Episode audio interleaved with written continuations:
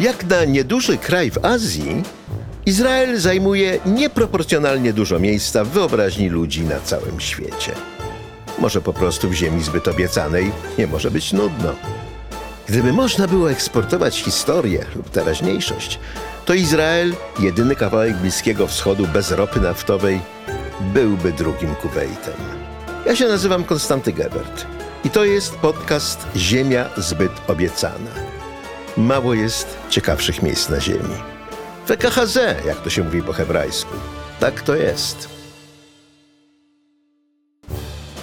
Podcast Ziemia zbyt obiecana powstaje we współpracy z Fundacją Elnet, organizacją pozarządową, której celem jest pogłębianie relacji między Europą a Izraelem w oparciu o wspólne potrzeby i demokratyczne wartości. Na początku grudnia w Knesecie przyjęty został budżet na następny rok i zdarzyła się rzecz dość niezwykła, mianowicie minister gospodarki rządu głosował przeciwko budżetowi. To chyba jest rzecz bez precedensu e, w historii demokracji parlamentarnych. Było, nie było, po ministrze finansów, minister gospodarki jest tym członkiem rządu, który najbardziej uczestniczy w tworzeniu budżetu i powinien być jego największym entuzjastą. Ale to, co budziło protesty ministra Nira Barkata, skądinąd wiernego likudnika, czyli działacza partii premiera Netanyahu, było to, że budżet ten daje ogromne dyskrecjonalne subwencje y, instytucjom podległym partiom koalicyjnym, czyli czytaj, y, instytucjom religijnym kontrolowanym przez partię Szas czy Zjednoczony Judaizm Tory, dwie partie religijne, bez których Netanyahu nie ma większości w parlamencie. Y, nie tylko bowiem opozycja, ale także minister Barkat uważają, że w sytuacji, kiedy kraj toczy wojnę, to dawanie gigantycznych subwencji, subwencji na rozwój jesziw i innych instytucji religijnych jest no, czymś co najmniej niestosownym. Partie religijne uważają inaczej. Partie religijne uważają i tak argumentowały, że właśnie rozwój szkolnictwa religijnego jest najlepszą możliwą inwestycją w bezpieczną przyszłość Izraela, bowiem Izrael istnieje tylko o tyle, o ile realizuje wolę Bożą, a wolę Bożą realizują najpewniej ci, którzy studiują tą wolę Bożą w i zgodnie z tym kształtują swoje życie. Debata jest nie tylko lokalnie polityczna czy akademicka, pokazuje ona raz jeszcze, głębokie podziały w społeczeństwie izraelskim, y, które najlepiej może określił ówczesny prezydent Reuven Rivlin w przemówieniu na konferencji w Herzlii w 15 roku. Konferencja w Herzlii to doroczne wydarzenie, na którym spotykają się e, politycy wszystkich orientacji, e, szefowie think tanków, e, rektorzy uczelni, redaktorzy naczelni gazet. No to jest takie zgromadzenie myślącego Izraela, e, na którym rozważa się sytuację i przyszłość kraju, i to jest intelektualnie bardzo poważne zgromadzenie, i można tylko pozazdrościć Izraelowi, że ma prezydentów, którzy na takim zgromadzeniu mogą zabrać głos i z własnej refleksji, a nie z ciężkiego potu ghostwriterów, y, sformułować tezy, które następnie wchodzą do narodowej debaty. Prezydent Rywlin, który był, co dzisiaj widzimy, jednym z najlepszych prezydentów, jakie Izrael miał, jakich Izrael miał, y, sformułował wtedy w tym swoim wystąpieniu w 15 roku tezę o tym, że Izrael podzielony jest na cztery plemiona. E, to właściwie jest dziwna teza. No, pamiętamy z Biblii, że Izrael pierwotnie był podzielony na plemion 12, tak? E, czyli tyle, ile Józef miał synów ze swoimi dwiema żonami i dwiema konkubinami. No była ta paskudna historia z Rubenem, który został wykluczony z tego grona e, z powodu niewłaściwego postępu z Bilchą, jedną z konkubin ojca. E, a zamiast niego podwójny udział mieli Efraim i Menases, których Józef pobłogosławił na swoim łożu śmierci. Tak więc pozostało dwanaście plemion Każde z nich miało przyznane określone terytorium e, w Izraelu. No oprócz tego byli lewici i kapłani, e, którzy nie mieli przyznanego określonego terytorium, ale także byli uważani za dwa odrębne plemiona, w sumie niby, więc niby 14, ale 12 plemion terytorialnych, z tego 10 plemion zostało uprowadzonych w niewolę przez Asyryjczyków, gdy ci zdobyli północne królestwo w VIII wieku przed naszą erą. No i słuch wszelki po nich zaginął. E, czasami odzywają się głosy, że odnaleziono potomków zaginionych plemion, e, a to w Mizoramie w Indiach, a to wśród afrykańskich lębów, a to wśród Indian amerykańskich. E, wszystkie te aspiracje do bycia potomkami zaginionych plemion są z reguły wątpliwe i rabini albo je odrzucają, albo są w tej sprawie podzieleni.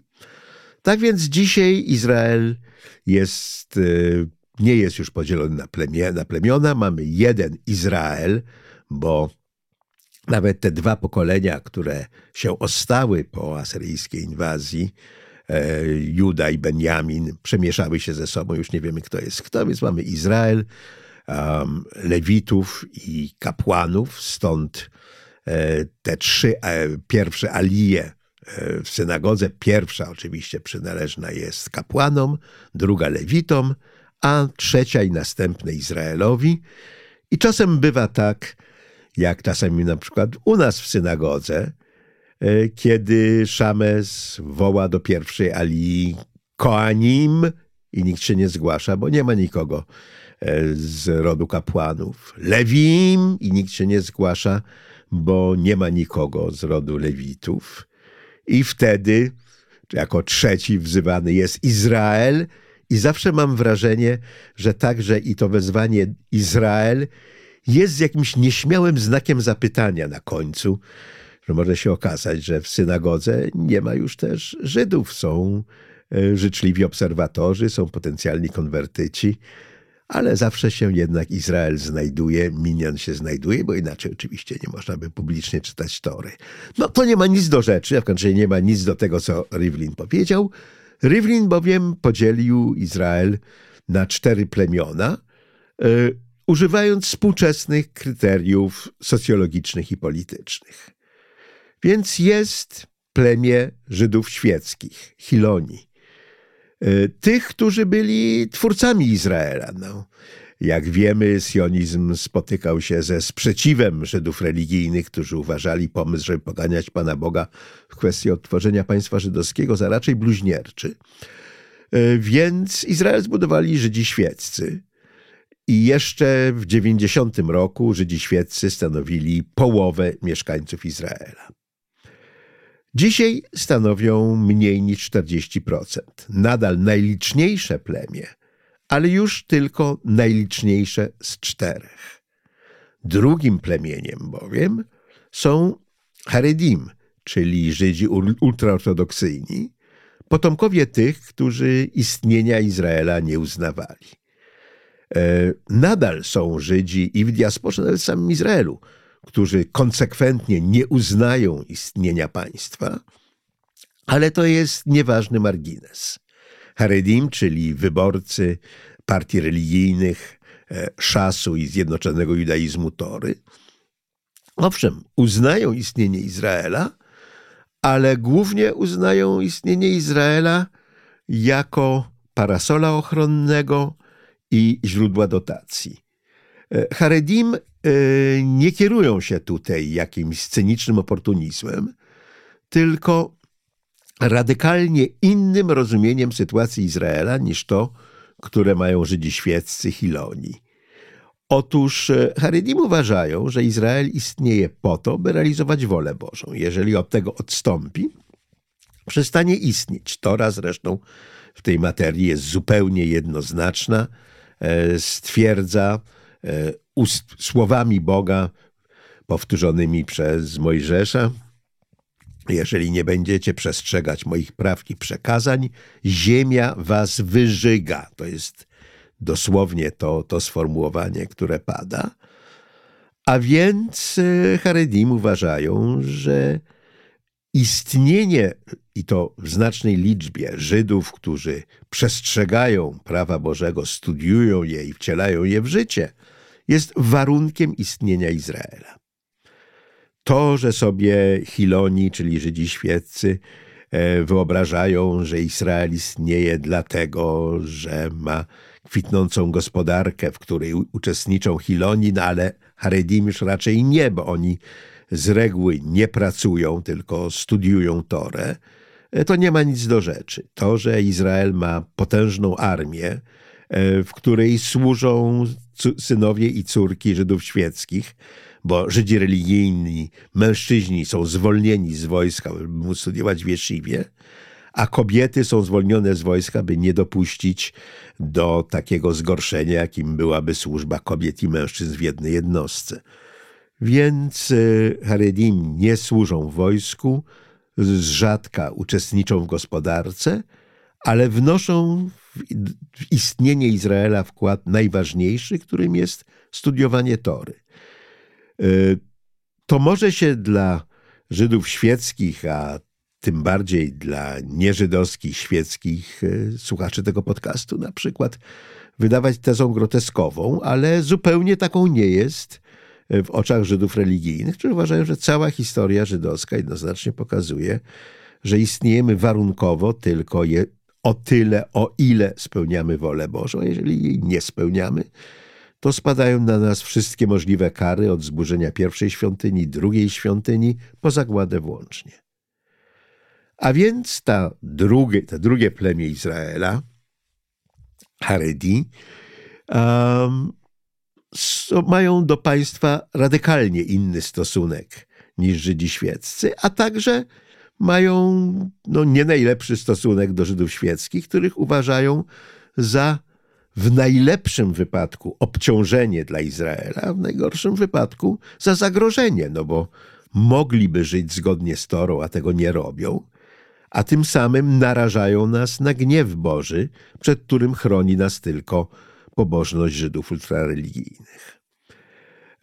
To plemię socjologowie szacują na około jedną czwartą mieszkańców Izraela.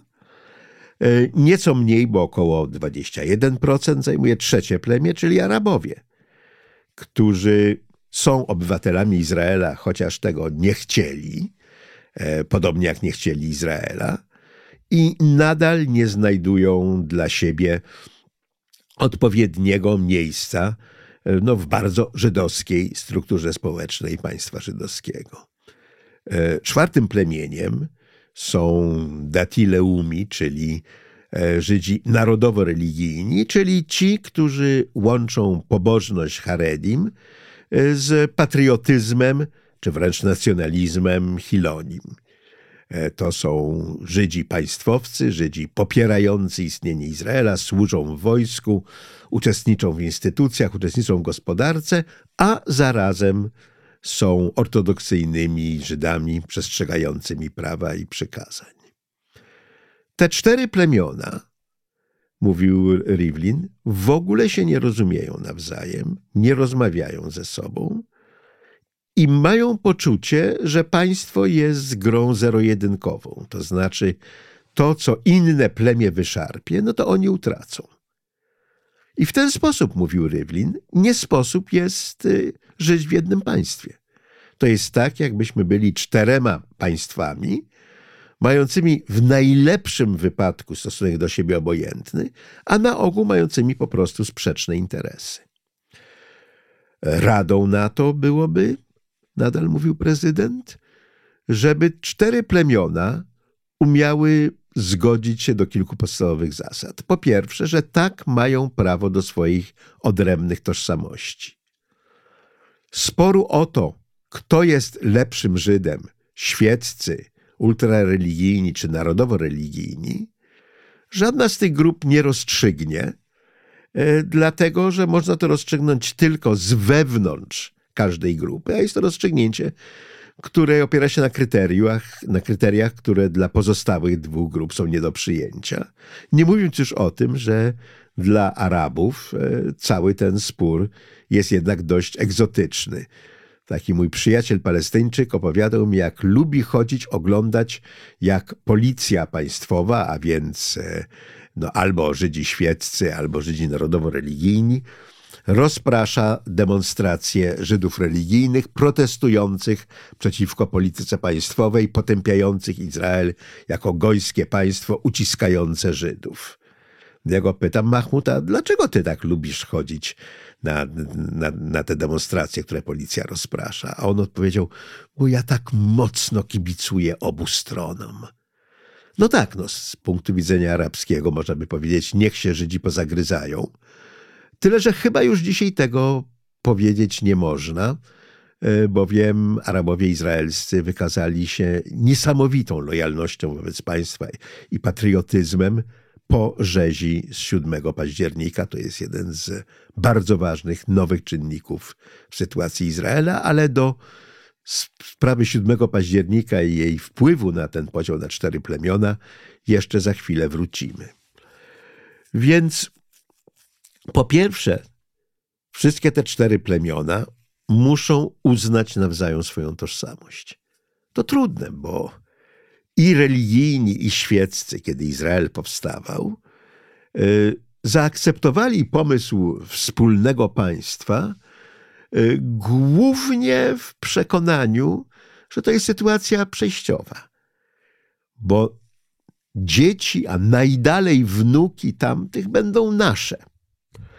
E, opisał to błyskotliwie Awiezer Rawicki, e, izraelski socjolog i wierzący Żyd, który sposób myślenia świeckich i religijnych przedstawiał tak. No, świeccy uważali, że ci religijni Żydzi spędzający całe życie nad Talmudem, zgarbieni z pejsami, e, nie umiejący funkcjonować w nowoczesnym państwie, nie umiejący posługiwać się bronią, dzisiaj by się dodało, no nie umiejący posługiwać się komputerami i tak dalej, że to wszystko jest patologia diaspory, tak? Zostaliśmy zepchnięci do getta, i to patologiczne środowisko getta wytworzyło no taką, trzeba to powiedzieć jasno, patologiczną formację żydowską, która teraz zniknie, kiedy mamy znów żydowskie państwo, gdzie nikt nikogo w getcie nie zamyka. Dzieci, najdalej wnuki tych pejsiatych talmudystów z radością wezmą łopaty, motyki, karabiny i będą państwo budować, będą państwo bronić, będą tańczyć chore, będą się upijać na balangach w sobotę wieczór, będą w Szabes jeździli nad morze, no będą żyli tak jak wszyscy e, i podział się skończy. Religijni myśleli dokładnie tak samo, tylko akurat na odwrót. Myśleli, no ci świeccy Żydzi, którzy wyrzekają się jarzmatory, którzy nie chcą być lojalnymi wykonawcami Bożej woli, no to są Żydzi, którzy chcą być gojami. No to jest patologia diaspory. To jest efekt tego, że żyliśmy pod nieżydowską władzą i Żydzi, którzy pozostali wierni przymierzu, cierpieli jeszcze bardziej. No nic dziwnego, że słabsi spośród nas nie umieli udźwignąć jarzmatory i chcieli, jeżeli nie stać się gojami, to przynajmniej przypominać ich, robić to, co robią goje. No właśnie te motyki, te karabiny, te jeżdżenie samochodem nad morze, Żyd nie jest od tego. Żyd jest od tego, by się studio, by studiować, modlić się i robić dobre uczynki. I póki żyliśmy w diasporze, no to ta patologia, myśleli religijni, była pewnie nieuchronna. Ale teraz, kiedy mamy własne żydowskie państwo, no oni wszyscy porzucą te karabiny, łopaty i kilofy i zamiast czytać gojskie, świeckie gazety, będą znów studiować Talmud, bo do tego powołany jest Żyd. I wreszcie będziemy mieli państwo, w którym wszyscy Żydzi zasługują na to, by uważać ich za wykonawców Bożej woli. I tylko w oparciu o te oczekiwania udało się religijnym i świeckim stworzyć wspólne państwo. Po czym po dwóch pokoleniach no, trzeba było uznać, że oczekiwania te były po obu stronach fałszywe. E, tak, zdarzają się religijni Żydzi, którzy rzucają e, swoje tałesy, obcinają pejsy, odstawiają Talmud i stają się DJ-ami e, albo popularnymi piosenkarzami, czy otwierają interesy, które pracują w soboty. No, różne nieszczęścia ich, ich spotykają, tak, ale to jest mniejszość. Większość potomków rodzin religijnych pozostaje religijna. Zdarzają się też spektakularne przypadki konwersji, kiedy ktoś, kto był Hiloni, nagle staje się Balczuwa, czyli staje się e, panem skruchy, czyli nawróconym. E, czuwa, nawrócenie ma po hebrajsku, tak jak po polsku, ten sens podwójny, tak? E, nie tylko zmiana kierunku, zwrot o 180 stopni, ale także odejście od dotychczasowej tożsamości i przyjęcie nowej, no oznacza to w obu wypadkach to samo. Ktoś szedł w złą stronę i zawrócił, tak? E, ale oni też stanowią nieliczną mniejszość wśród Hilonim. E, większość Hilonim nie zamierza stać się religijna. Ten konflikt między Hilonim a Haredim e, nie rozwiązał się i wszedł w fazę z jednej strony przewlekłą, a w drugiej ostrą. E, dla Żydów e, ortodoksyjnych jest rzeczą jasną, że świecki Izrael prosi się o karę Bożą. Ci Żydzi, którzy nie szanują szabatu, którzy jedzą trefnie, e, którzy zachowują się jak godzie, no stanowią ewidentne wyzwanie dla Pana Boga i wcześniej czy później karząca ręka Boga nas dosięgnie, no chyba, że wstrzymają ją modlitwy Żydów religijnych. E, dla większości Hilonim e, Żydzi religijni to pasożyty. E, to nie z ich podatków finansowane jest państwo, bo oni praktycznie nie uczestniczą w gospodarce. Mężczyźni uczestniczą w niej bardzo rzadko, a kobiety, które prowadzą małe sklepiki, warsztaty, różne takie, no żeby dopomóc w utrzymaniu rodziny, nie wnoszą tak bardzo dużo do gospodarki, ani swoją aktywnością, ani podatkami. E, tak więc instytucje Haredim są finansowane z podatków, e, które płacą Hilonim. E, na Haredim odpowiadają, no bardzo dobrze, przynajmniej w ten sposób, chociaż częściowo możecie odkupić swoją winę wobec Amisroel, wobec ludu Izraela, który, na którym ściągacie niebezpieczeństwo kary Bożej swoim bezbożnym postępowaniem. Y, Hilonim mówią, to nasze córki, nasi synowie was bronią. Wy przecież nie służycie w wojsku, a za to niektórzy z was zakładają osiedla na zachodnim brzegu, które nasi synowie i nasze córki muszą bronić, chociaż uważają, podobnie jak my uważamy, że tych osiedli tam w ogóle być nie powinno. No właśnie, odpowiadają religijni, byście już w ogóle zapomnieli, E, na czym polega nasz obowiązek wobec Boga. To jest, to jest ziemia, która jest nam od Boga dana i musimy ją z powrotem wziąć we władanie. A to, że wasi synowie i córki bronią tych osiedli, no trochę zmniejsza winę waszej małej wiary i waszej odmowy uczestnictwa w tym najważniejszym narodowym przedsięwzięciu. Tu bardzo trudno będzie o porozumienie. Chociaż wydawać by się mogło, że sposobem na porozumienie jest istnienie tego trzeciego plemienia, czyli e, Datileumi, Żydów narodowo-religijnych, którzy i studiują Talmud, i wytwarzają dochód narodowy, i z bronią w ręku bronią kraju. E, tych jest 15%, mniej więcej społeczeństwa izraelskiego. Wystarczająco dużo, by stępić trochę ostrze e, podziału między religijnymi a świeckimi, ale nie dość, e, żeby ten spór kreatywnie rozwiązać. Co więcej, z punktu widzenia świeckich, ci Żydzi są E, zbyt religijni, a z punktu widzenia religijnych ci Żydzi są zbyt świecki, świeccy, no wszystkim nie dogodzisz. Co więcej, te trzy plemiona, nie zapomniałem o Arabach, zaraz do nich wrócimy, bo to jest w ogóle element rozstrzygający, jak sądzę. Te trzy plemiona nie tylko mają swoje zupełnie odrębne tożsamości, ale te tożsamości przekazują następnemu pokoleniu e, poprzez system edukacyjny, który dla każdego z tych plemion jest inny, dla każdego czterech plemion jest inny.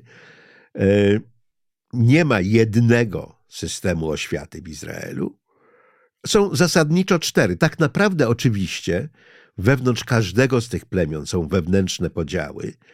E, I te podziały czasami są równie głębokie jak podziały między plemionami, ale z wierności dla koncepcji prezydenta Rivlina, no i także z oszczędności czasu, e, tym razem nie będziemy wchodzili w wewnętrzne spory między różnymi Haredim, czy jeżeli Państwo uważacie, że takie spory nie mają większego znaczenia, no to pomyślcie, że kategoria Hiloni, czyli Żydzi świeccy, obejmuje wszystkich od skrajnej lewicy e, po faszystów spod znaku Bengwira.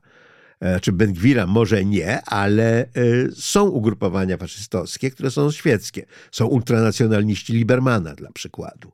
Więc jeżeli wśród Żydów świeckich podziały mają tak zasadnicze znaczenie, to uwierzcie mi Państwo na, na słowo, podobnie jest w pozostałych trzech plemionach, tyle tylko, że w tej chwili nie mamy czasu się tym zająć.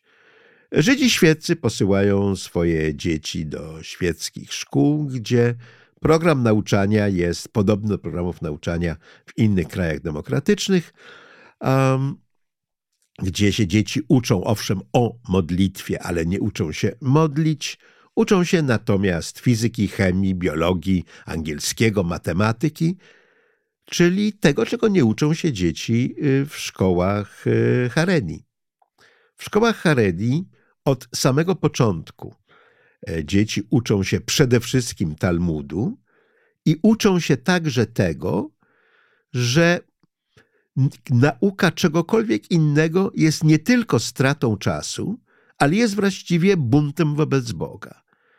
No bo jeżeli jakieś dziecko mogłoby studiować Talmud, a studiuje powiedzmy język angielski, no to mówi Bogu, że jego zdaniem to, co mówią Anglicy, jest ważniejsze niż to, co mówi Bóg. No, to jest oczywiście bezczelny bunt, który zapewne zostanie ukarany. Y, żeby dopełnić wymogów minimum e, bycia uznanym przez państwo, a zarazem E, móc korzystać z państwowych subwencji, no te szkoły e, w sektorze ultrareligijnym formalnie mają jakieś zajęcia z angielskiego czy matematyki, ale jeżeli izraelska młodzież na w, w międzynarodowych sondażach i egzaminach młodzieży szkół średnich wypada coraz gorzej, no to głównie dlatego, że te lekcje matematyki czy angielskiego są na pozór, są takie, żeby kuratorium się nie czepiało, a i tak wiadomo, y, że mamy studiować Talmud i tylko Talmud. Y, są też niby zajęcia z wychowania obywatelskiego, na których dzieci y, w sektorze religijnym się uczą że Sąd Najwyższy Izraela jest instytucją bluźnierczą, której celem jest dokonywanie systematycznych zamachów na prawa Żydów religijnych i przekształcenie Izraela w kraj całkowicie bezbożny, a więc zbuntowany wobec Boga. E, zaś pomysły na to, by Izrael uchwalił konstytucję, są już bezpośrednim zamachem na religię, no bo Izrael już ma konstytucję, nazywa się Tora i pomysł, że ludzie mogą wymyślić coś lepszego niż Bóg, no też jest pomysłem bluźnierczym. E, kiedy się jest wewnątrz społeczności Żydów ortodoksyjnych, e, absurdalność takiej edukacji jest całkowicie nieoczywista. No bo do czego niby ma mi być potrzebna w studiowaniu Talmudu znajomość budowy ucha wewnętrznego królika, czy umiejętność odtwarzania cyklu Krebsa e, w chemii, czy też choćby znajomość praw Newtona. Jakby Bóg uważał, że prawa Newtona są ważne, to byłyby podane w torze. No jeżeli nie zostały podane w torze, to ewidentnie nie są takie ważne. Może są potrzebne jakimś gojom do czegoś, no nam nie są potrzebne. E, angielski. Po co mam się uczyć angielskiego? Jak, jak będzie potrzebny ktoś, kto mówi po angielsku, no to jest kuzyn Jeffrey ze Stanów Zjednoczonych, który jest pobożnym Żydem, tylko że jako, że biedak mieszka w diasporze, no to musiał się nauczyć gojskiego języka. A ja naprawdę nie potrzebuję. To jest świat, który jest samowystarczalny intelektualnie i moralnie. Nie jest oczywiście samowystarczalny ekonomicznie, politycznie i militarnie. No ale to zapewniają Żydzi świeccy, tym samym częściowo odkupując swoje winy od Żydów religijnych, wobec Żydów religijnych, polegające na tym, że nie są tacy jak oni. E, w sektorze narodowo-religijnym szkoły są inne. Tam owszem uczy się świeckich przedmiotów, uczy się angielskiego, aczkolwiek już wychowanie obywatelskie jest dużo bardziej zbliżone do tego, czego uczą szkoły Haredi, niż tego, czego uczą szkoły Hiloni. E, młodzież tych e, różnych szkół, im dłużej trwa edukacja, tym mniej ma ze sobą wspólnego. I wreszcie młodzież ze szkół Haredi e, nie zdaje matury państwowej, bagrut, która jest bardzo trudnym egzaminem kończącym szkołę średnią, a więc nie ma wstępu na izraelskie wyższe uczelnie, a zresztą tego wstępu wcale nie potrzebuje. E, oni kontynuują studia na jeszivach, wspaniałych niektórych jeszivach, to są wybitne uczelnie talmudyczne. E, ja miałem przyjemność e, studiować przez jakiś czas w Jeshivat HaKotel, czyli w Jeshiwie przy zachodniej ścianie w Jerozolimie. I ten, ten obłęd intelektualnej otwartości, to jak bardzo wszystko można dyskutować i jak bardzo jest to ciekawe, no przekonał mnie, że to jest rzeczywiście świat intelektualny, który potrafi wessać do końca. Naprawdę nie chce się robić czegoś innego. Jest taka słynna anegdotka o Gaonie Wileńskim, wielkim talmudyście, E, z Wilna, jak, jak sama nazwa wskazuje, e, z XVII wieku, do którego przyszli uczniowie na codzienną lekcję. No i usiedli cichutko, bo Gaon siedział nad otwartym tomem Talmudu. I tak siedzą, mija 10 minut, 15 minut, pół godziny. Gaon wpatrzony w tę stronę Talmudu ani drgnie. No w końcu tam poszeptali między sobą, wypchnęli prymusa. Ten zebrał się na odwagę, trącił Gaona w ramię. Gaon się osknął i co, co, co, co, co? No, Rebe, ty już od pół godziny siedzisz nad jedną stroną Talmudu. Myśmy przyszli na lekcję. nad jedną stroną Talmudu. A żebyście wiedzieli, jak mi tam dobrze. No ja nie mam oczywiście i nie mam aspiracji, żeby mieć wiedzy, chociaż do pięt dorastającej wiedzy Gaona Wileńskiego, ale myślę, że dobrze rozumiem, jak dobrze mu na, w tej jednej stronie Talmudu i rozumiem tą ogromną atrakcję, jaką studiowanie Talmudu daje młodym umysłom, dorosłym umysłom.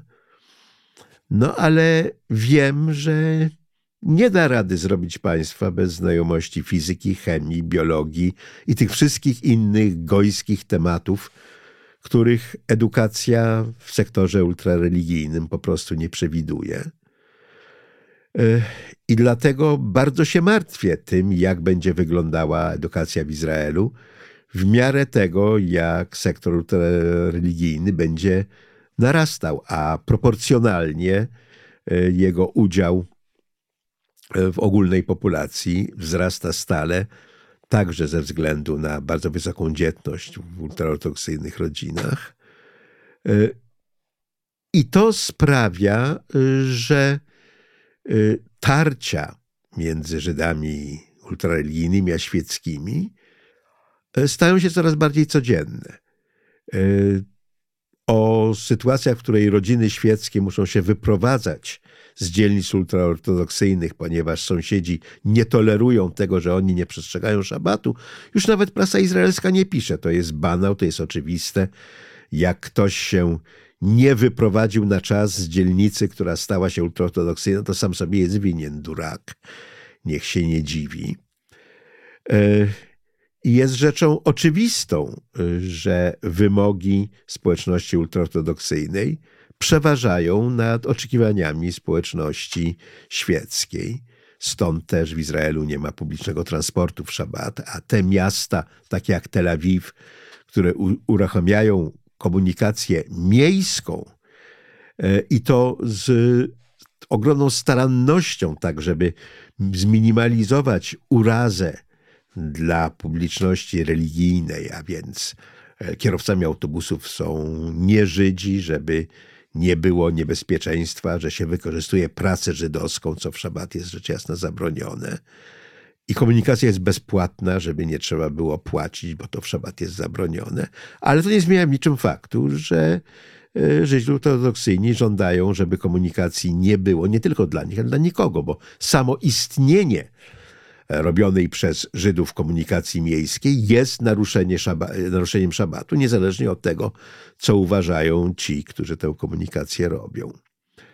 E, w zeszłym roku doszło do drobnego skandalu, kiedy e, grupa młodzieży ze, z jakiejś szkoły ultrareligijnej e, miała zwiedzać Muzeum Przyrodnicze w Tel Awiwie, ale nauczyciele zażądali, żeby gablotki pokazujące teorię ewolucji zostały zasłonięte na czas ich wizyty, bo nie życzą sobie, żeby dzieciom przedstawiać takie bluźniercze e, e, treści. Gablotki zostały zasłonięte, e, a tym samym nie mogły ich też oglądać dzieci niereligijne, które wtedy były w muzeum. Musiały poczekać, aż wycieczka z uczelni religijnej przejdzie. No to oczywiście rozpala furię Izraela niereligijnego. I tego, co rozmaici moi świeccy znajomi mówią o Żydach religijnych, tego by się nie ośmielił powiedzieć najzagorzalszy polski antysemita. Ale nie zmienia to w niczym faktu, że jakoś we wspólnym Izraelu muszą żyć. E, I jak się rzekło, istnienie sektora Żydów narodowo-religijnych troszkę osłabia to napięcie, ale E, no przynajmniej demograficznie, a więc politycznie, nie wydaje się być rozwiązaniem. Tymczasem, tymczasem wydawało się, że Żydzi religijni, narodowo-religijni, świeccy mają przynajmniej to ze sobą wspólnego, że wspólnie uważają Arabów za zagrożenie. E, sektor arabski ma, jak się rzekło, swoje własne odrębne szkolnictwo, gdzie dzieci uczą się hebrajskiego, ale nie po hebrajsku, uczą się po arabsku i słusznie. E, uczą się historii arabskiej raczej niż historii żydowskiej, znowu słusznie. E, ten sektor arabski jest rozpaczliwie niedoinwestowany. To jest zresztą prawda na, na wszystkich wymiarach. E, w Izraelu, wbrew temu, o co państwo żydowskie jest oskarżane, nie ma instytucjonalnej dyskryminacji jednostek. Każdy teoretycznie może objąć każde stanowisko. Mieliśmy Arabów, um, sędziów Sądu Najwyższego, e, ministrów w rządzie, raz, no, ale mieliśmy e, Druzowie, czyli Arabowie, nieco innego niż islam wyznania, bywają generałami w armii. Natomiast zbiorowo sektor arabski jest niewątpliwie dyskryminowany. E, wydatki państwa na głowę mieszkańca w sektorze arabskim są wydatnie niższe niż w którymkolwiek z sektorów żydowskich. Widać to też w niedoinwestowanej e, edukacji. A zarazem e, Arabowie izraelscy, którzy sami o sobie mówią, izraelscy Palestyńczycy, są w sumie lepiej wyedukowani niż Żydzi, bo oni oprócz uczyć się, uczenia się o sobie, muszą je też uczyć o Żydach. No bo żyją w społeczeństwie, w którym Żydzi stanowią większość. Więc uczą się hebrajskiego i z reguły mówią po hebrajsku płynnie, podczas kiedy Żydzi mówiący płynnie po arabsku nadal należą do rzadkości.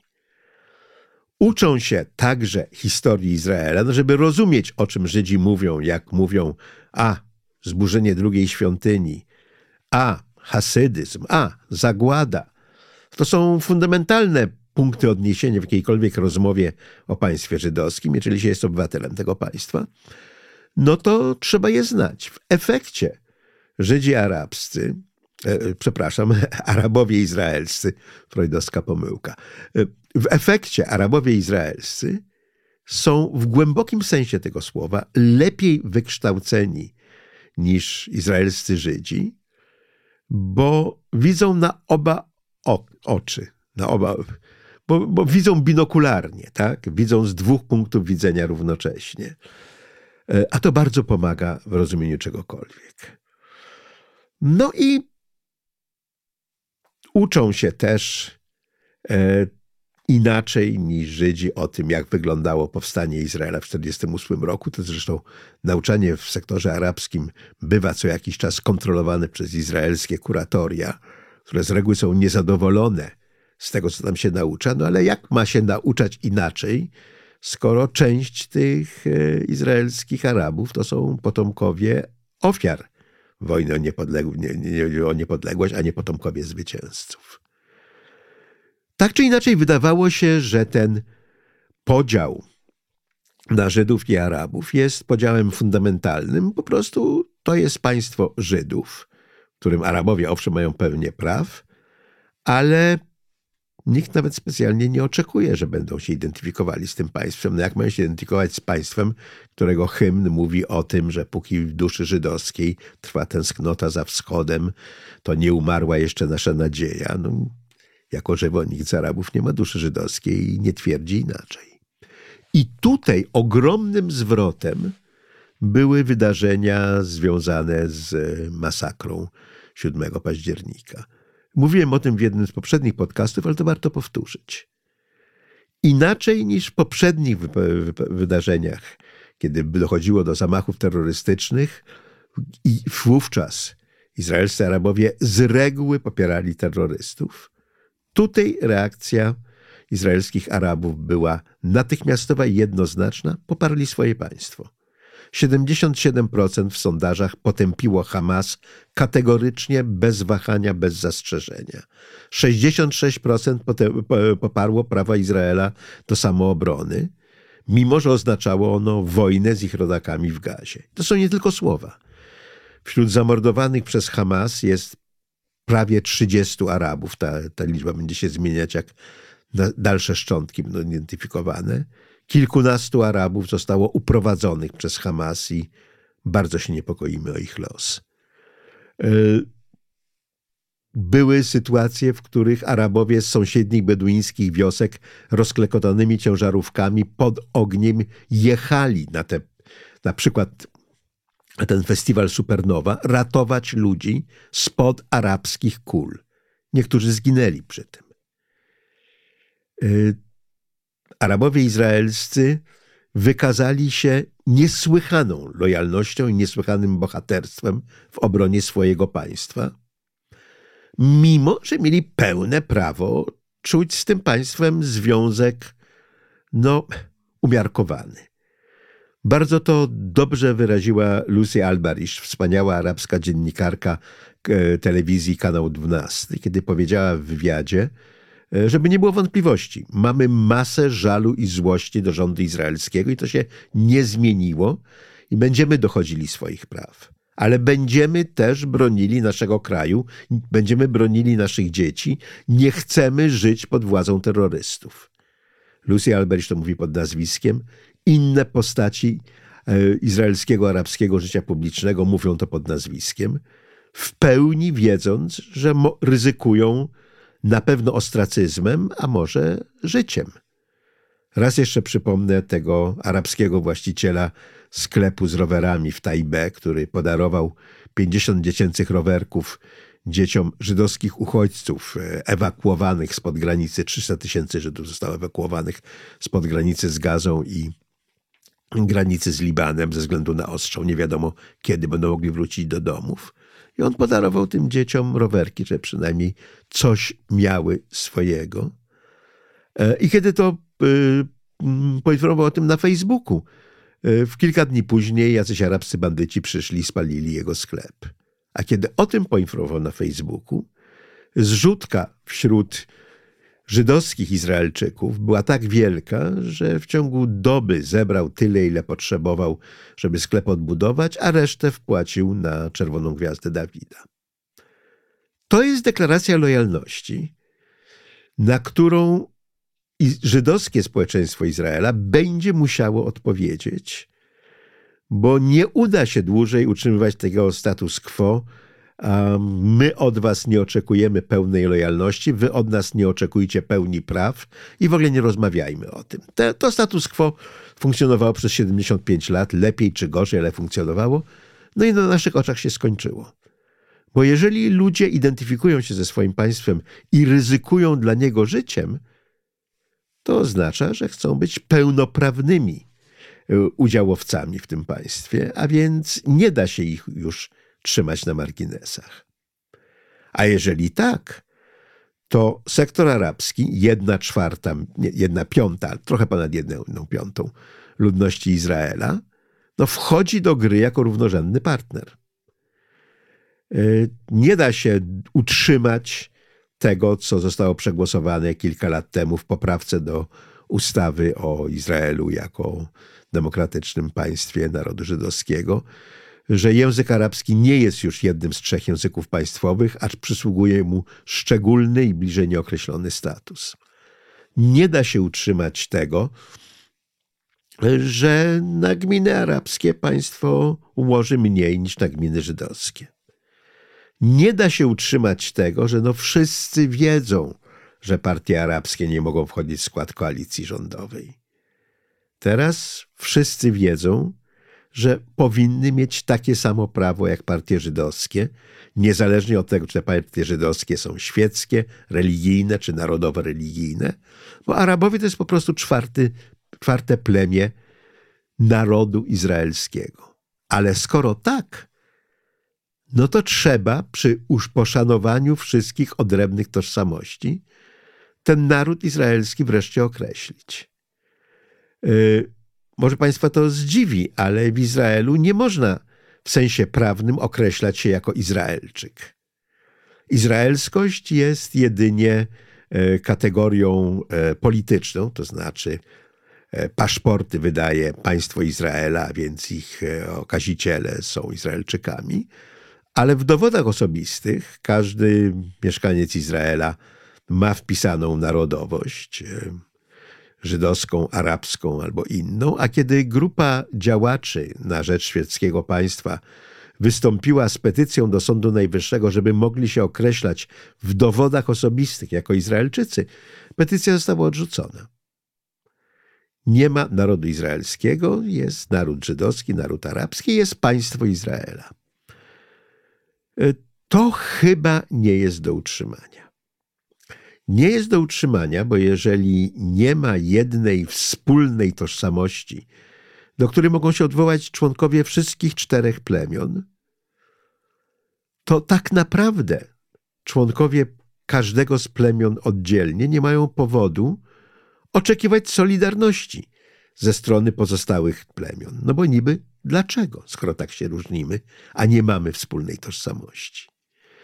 To był jeden z kluczowych punktów wystąpienia Rivlina. On mówił, że konieczna jest ochrona każdej z tożsamości, konieczne jest wspólne branie odpowiedzialności za państwo i konieczne jest wypracowanie wspólnej izraelskości.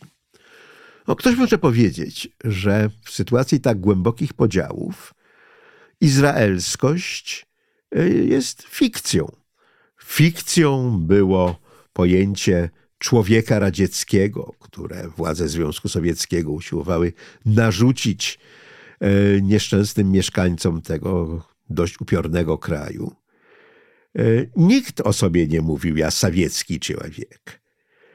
E, fikcją, jak się okazało, była jugosłowiańskość. Jugosławia rozpadła się krwawo. Fikcją nawet, okazała się, czechosłowackość, tak? Mamy dzisiaj Czechy i Słowację. E, I jest to mocny argument. Tożsamości ponadnarodowe z reguły źle nam wychodzą. Nawet w Belgii. E, dobra, jest Szwajcaria, ale jedna Szwajcaria wiosny nie czyni. Tyle tylko, że ogólna klęska tych tożsamości ponadnarodowych nie powinna przesłaniać tego, że one mimo wszystko się przyjmowały i były akceptowane za swoje. E, w Jugosławii e, były miasta, w których 40% mieszkańców e, w spisach powszechnych określała się jako Jugosłowianie.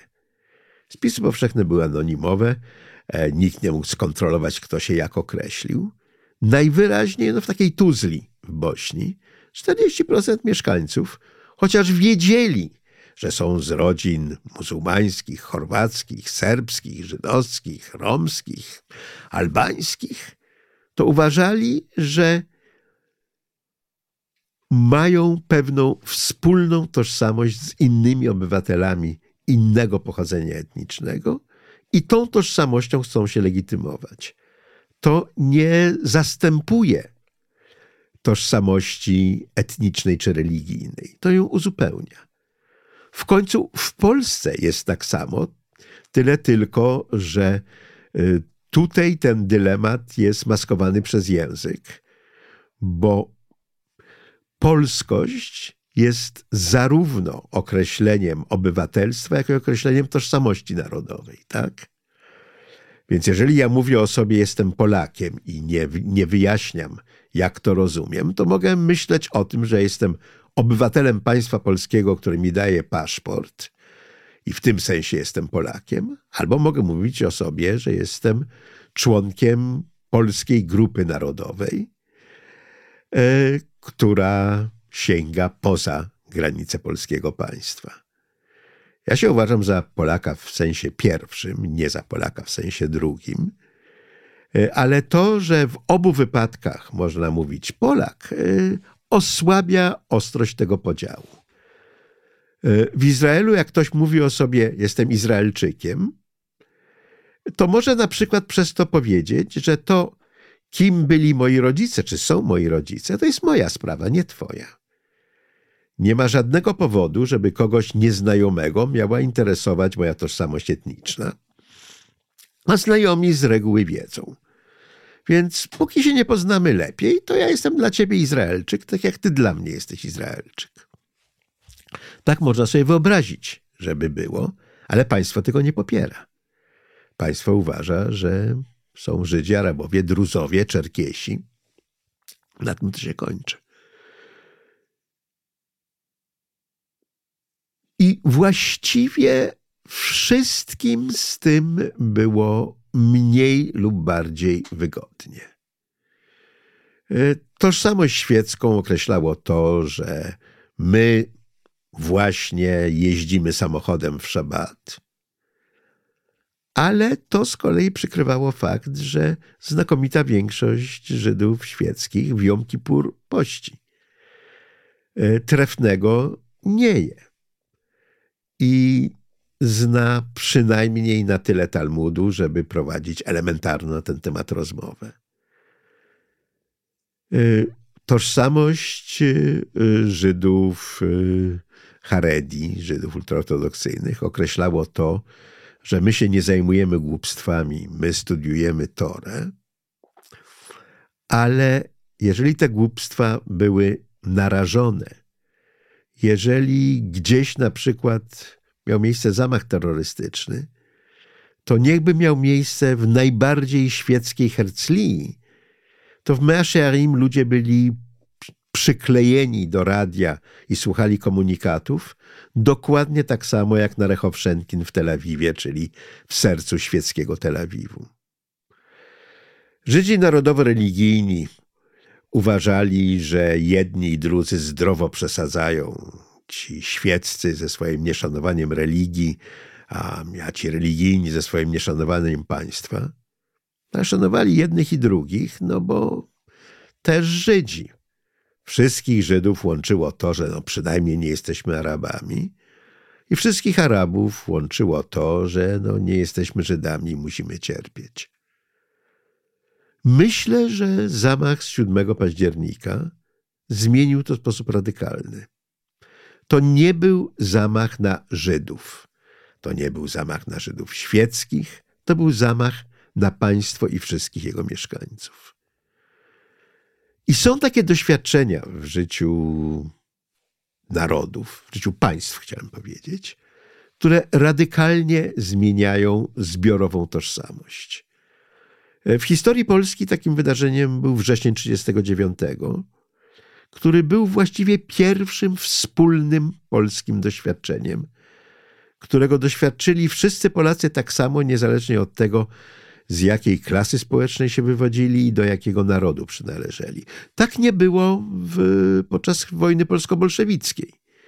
Żydzi zostali z obrony Polski wykluczeni, a wielu chłopów uważało, że, że to pany się biją, a nam nic do tego. To nie było jeszcze doświadczenie ogólnonarodowe. Wrzesień nim się stał. W Ukrainie takim doświadczeniem nie była nawet pierwsza wojna z Rosją, rok 14, gdzie wielu Ukraińców opowiadało się po stronie rosyjskiej, bo tam im było językowo i kulturowo bliżej. Dopiero ta wojna zbudowała wspólne doświadczenie ukraińskie, w skład którego wchodzi też doświadczenie rosyjskojęzycznych Ukraińców. Jest szansa, że koszmar z 7 października będzie takim przekształcającym doświadczeniem dla Izraela. Bo nie sposób nie zauważyć ani heroicznego wkładu Arabów w solidarność ze swoim państwem, ani to, że mordercom było dokładnie wszystko jedno, czy ktoś jest religijny, czy świecki, chociaż akurat tak się złożyło, że kibuce przy granicy z Gazą były świeckie i niektórzy dzisiaj mówią, że słaba reakcja państwa kontrolowane, kontrolowanego wszak przez rząd religijno-prawicowy też z tym ma coś wspólnego. Ale jakiekolwiek by nie były indywidualne doświadczenia, zbiorowe doświadczenie jest jedno. Jesteśmy plemionami, nie zamierzamy z tego rezygnować. Nikt nagle z Araba nie stanie się, nie wiem, świeckim Żydem, a ze świeckiego Żyda Żydem ultrareligijnym tylko dlatego, że Hamas wymordował 1200 osób. Ale ten mord zbiorowy był doświadczany przez wszystkich tak samo. I to może być podstawą do budowania, a to jest długi proces, wspólnej izraelskiej tożsamości, która nie zastępuje tych odrębnych tożsamości plemiennych, ale je uzupełnia i je chroni. W końcu, kiedy było nas jeszcze 12 plemion, nie przestawaliśmy od tego być Żydami. A więc y, z jednej strony Jesz Atid, czyli jest nadzieja, a z drugiej strony Ein Breira, czyli i tak nie mamy innego wyjścia.